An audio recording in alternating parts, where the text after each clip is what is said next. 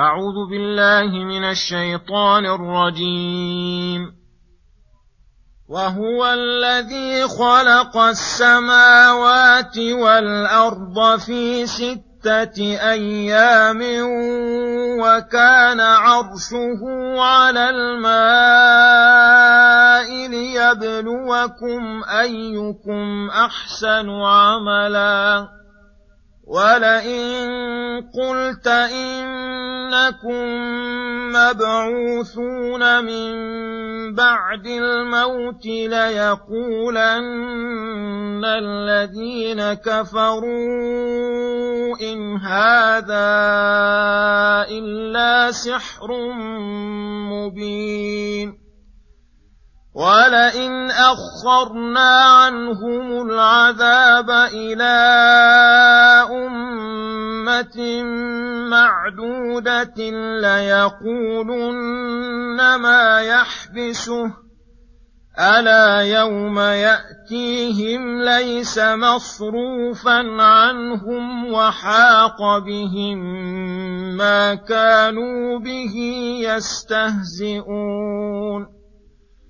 ولئن أذقنا الإنسان منا رحمة ثم نزعناها منه إنه ليئوس كفور ولئن أذقناه نعماء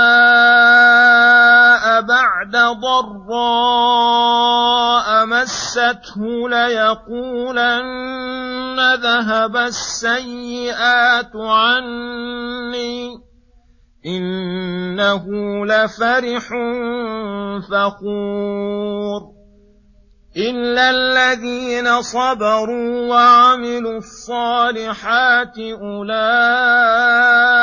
لهم مغفرة وأجر كبير فلعلك تارك بعض ما يوحى إليك وضائق به صدرك أن يقولوا أن يقولوا لولا أنزل عليه كنز أو جاء معه ملك إنما أنت نذير. والله على كل شيء وكيل. بسم الله الرحمن الرحيم. السلام عليكم ورحمة الله وبركاته. يقول الله سبحانه وهو الذي خلق السماوات والأرض في ستة أيام وكان عرشه على الماء ليبلوكم أيكم أحسن عملا. ولئن قلت إنكم مبعوثون من بعد الموت ليقولن الذين كفروا إن هذا إلا سحر مبين الآيات. يخبر تعالى أنه خلق السماوات والأرض في ستة أيام. أولها يوم الأحد وآخرها يوم الجمعة. وحين خلق السماوات والأرض كان عرشه على الماء فوق السماء السابعة. فبعد أن خلق السماوات والأرض استوى على عرشه يدبر الأمور ويصرفها كيف شاء ويصرفها كيف شاء من الأحكام القدرية والأحكام الشرعية. ولهذا قال ليبلوكم أيكم أحسن عملا. أي ليمتحنكم إذ خلق لكم ما في السماوات والأرض بأمره ونهيه فينظر أيكم أحسن عملا. قال الفضيل بن عياض رحمه الله دين الله أخلصه وأصوبه قيل يا أبا علي ما أخلصه وأصوبه؟ فقال إن العمل إذا كان خالصا ولم يكن صوابا لم يقبل. وإذا كان صوابا ولم يكن خالصا لم يقبل حتى يكون خالصا صوابا. والخالص أن يكون لوجه الله والصواب أن يكون متبعا فيه الشرع والسنة. وهذا كما قال تعالى وما خلقت الجن والإنس إلا ليعبدون وقال تعالى الله الذي خلق سبع سماوات ومن أرض مثلهن يتنزل الأمر بينهن لتعلموا أن الله على كل شيء قدير وأن الله قد أحاط بكل شيء علما. فالله تعالى خلق الخلق لعبادته ومعرفته بأسمائه وصفاته وأمرهم بذلك. فمن انقاد وأدى ما أمر به فهو من المفلحين ومن أعرض عن ذلك فأولئك هم الخاسرون. ولا بد أن يجمعهم في دار يجازيهم فيها على ما أمرهم به ونهاهم. ولهذا ذكر الله تكذيب المشركين بالجزاء فقال ولئن قلت إنكم مبعوثون من بعد الموت ليقولن الذين كفروا إن هذا إلا سحر مبين.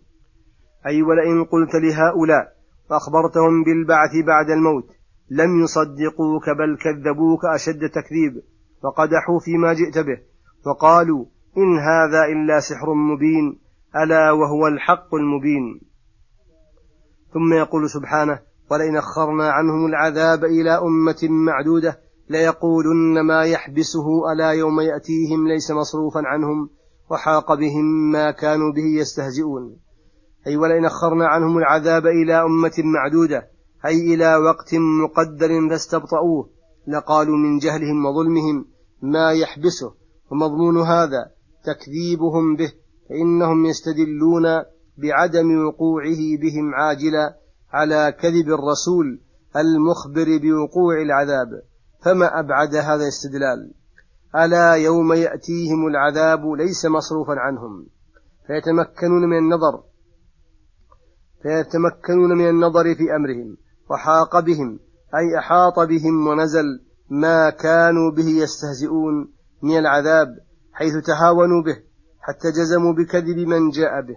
ثم يقول سبحانه ولئن أذقنا الإنسان منا رحمة ثم نزعناها منه إنه ليئوس كفور.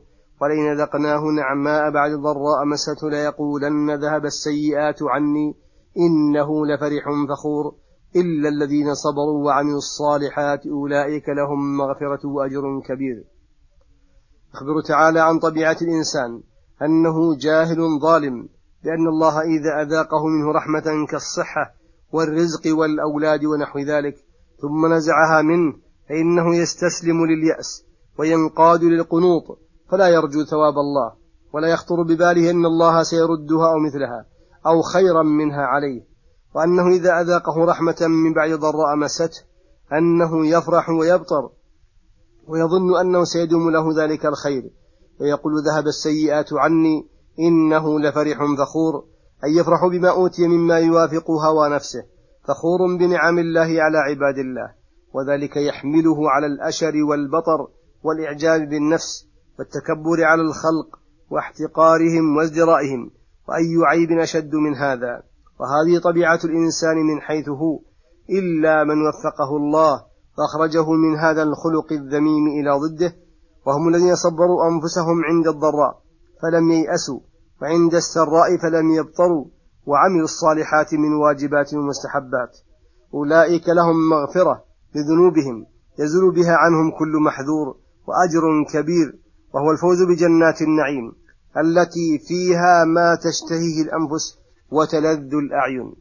ثم يقول سبحانه فلعلك تارك بعض ما يوحى إليك وضائق به صدرك أن يقولوا لولا أنزل عليه كنز أو جاء معه ملك إنما أنت نذير والله على كل شيء وكيل.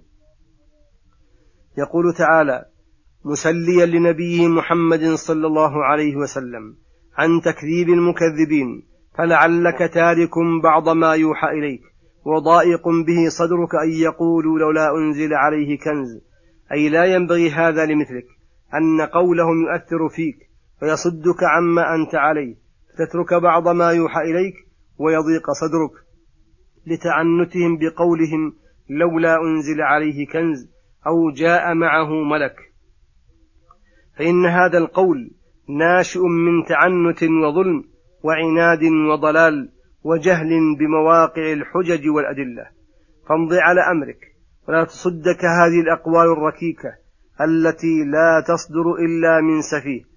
ولا يضق لذلك صدرك. فهل أوردوا عليك حجة لا تستطيع حلها أم قدحوا ببعض ما جئت به قدحا يؤثر فيه وينقص قدره فيضيق صدرك لذلك؟ أم عليك حسابهم ومطالب بهدايتهم جبرا؟ وإنما أنت نذير والله على كل شيء وكيل. فهو الوكيل عليهم يحفظ أعمالهم ويجازيهم بها أتم الجزاء. وصلى الله وسلم على نبينا محمد وعلى آله وصحبه أجمعين. وإلى الحلقة القادمة غدا إن شاء الله. والسلام عليكم ورحمة الله وبركاته.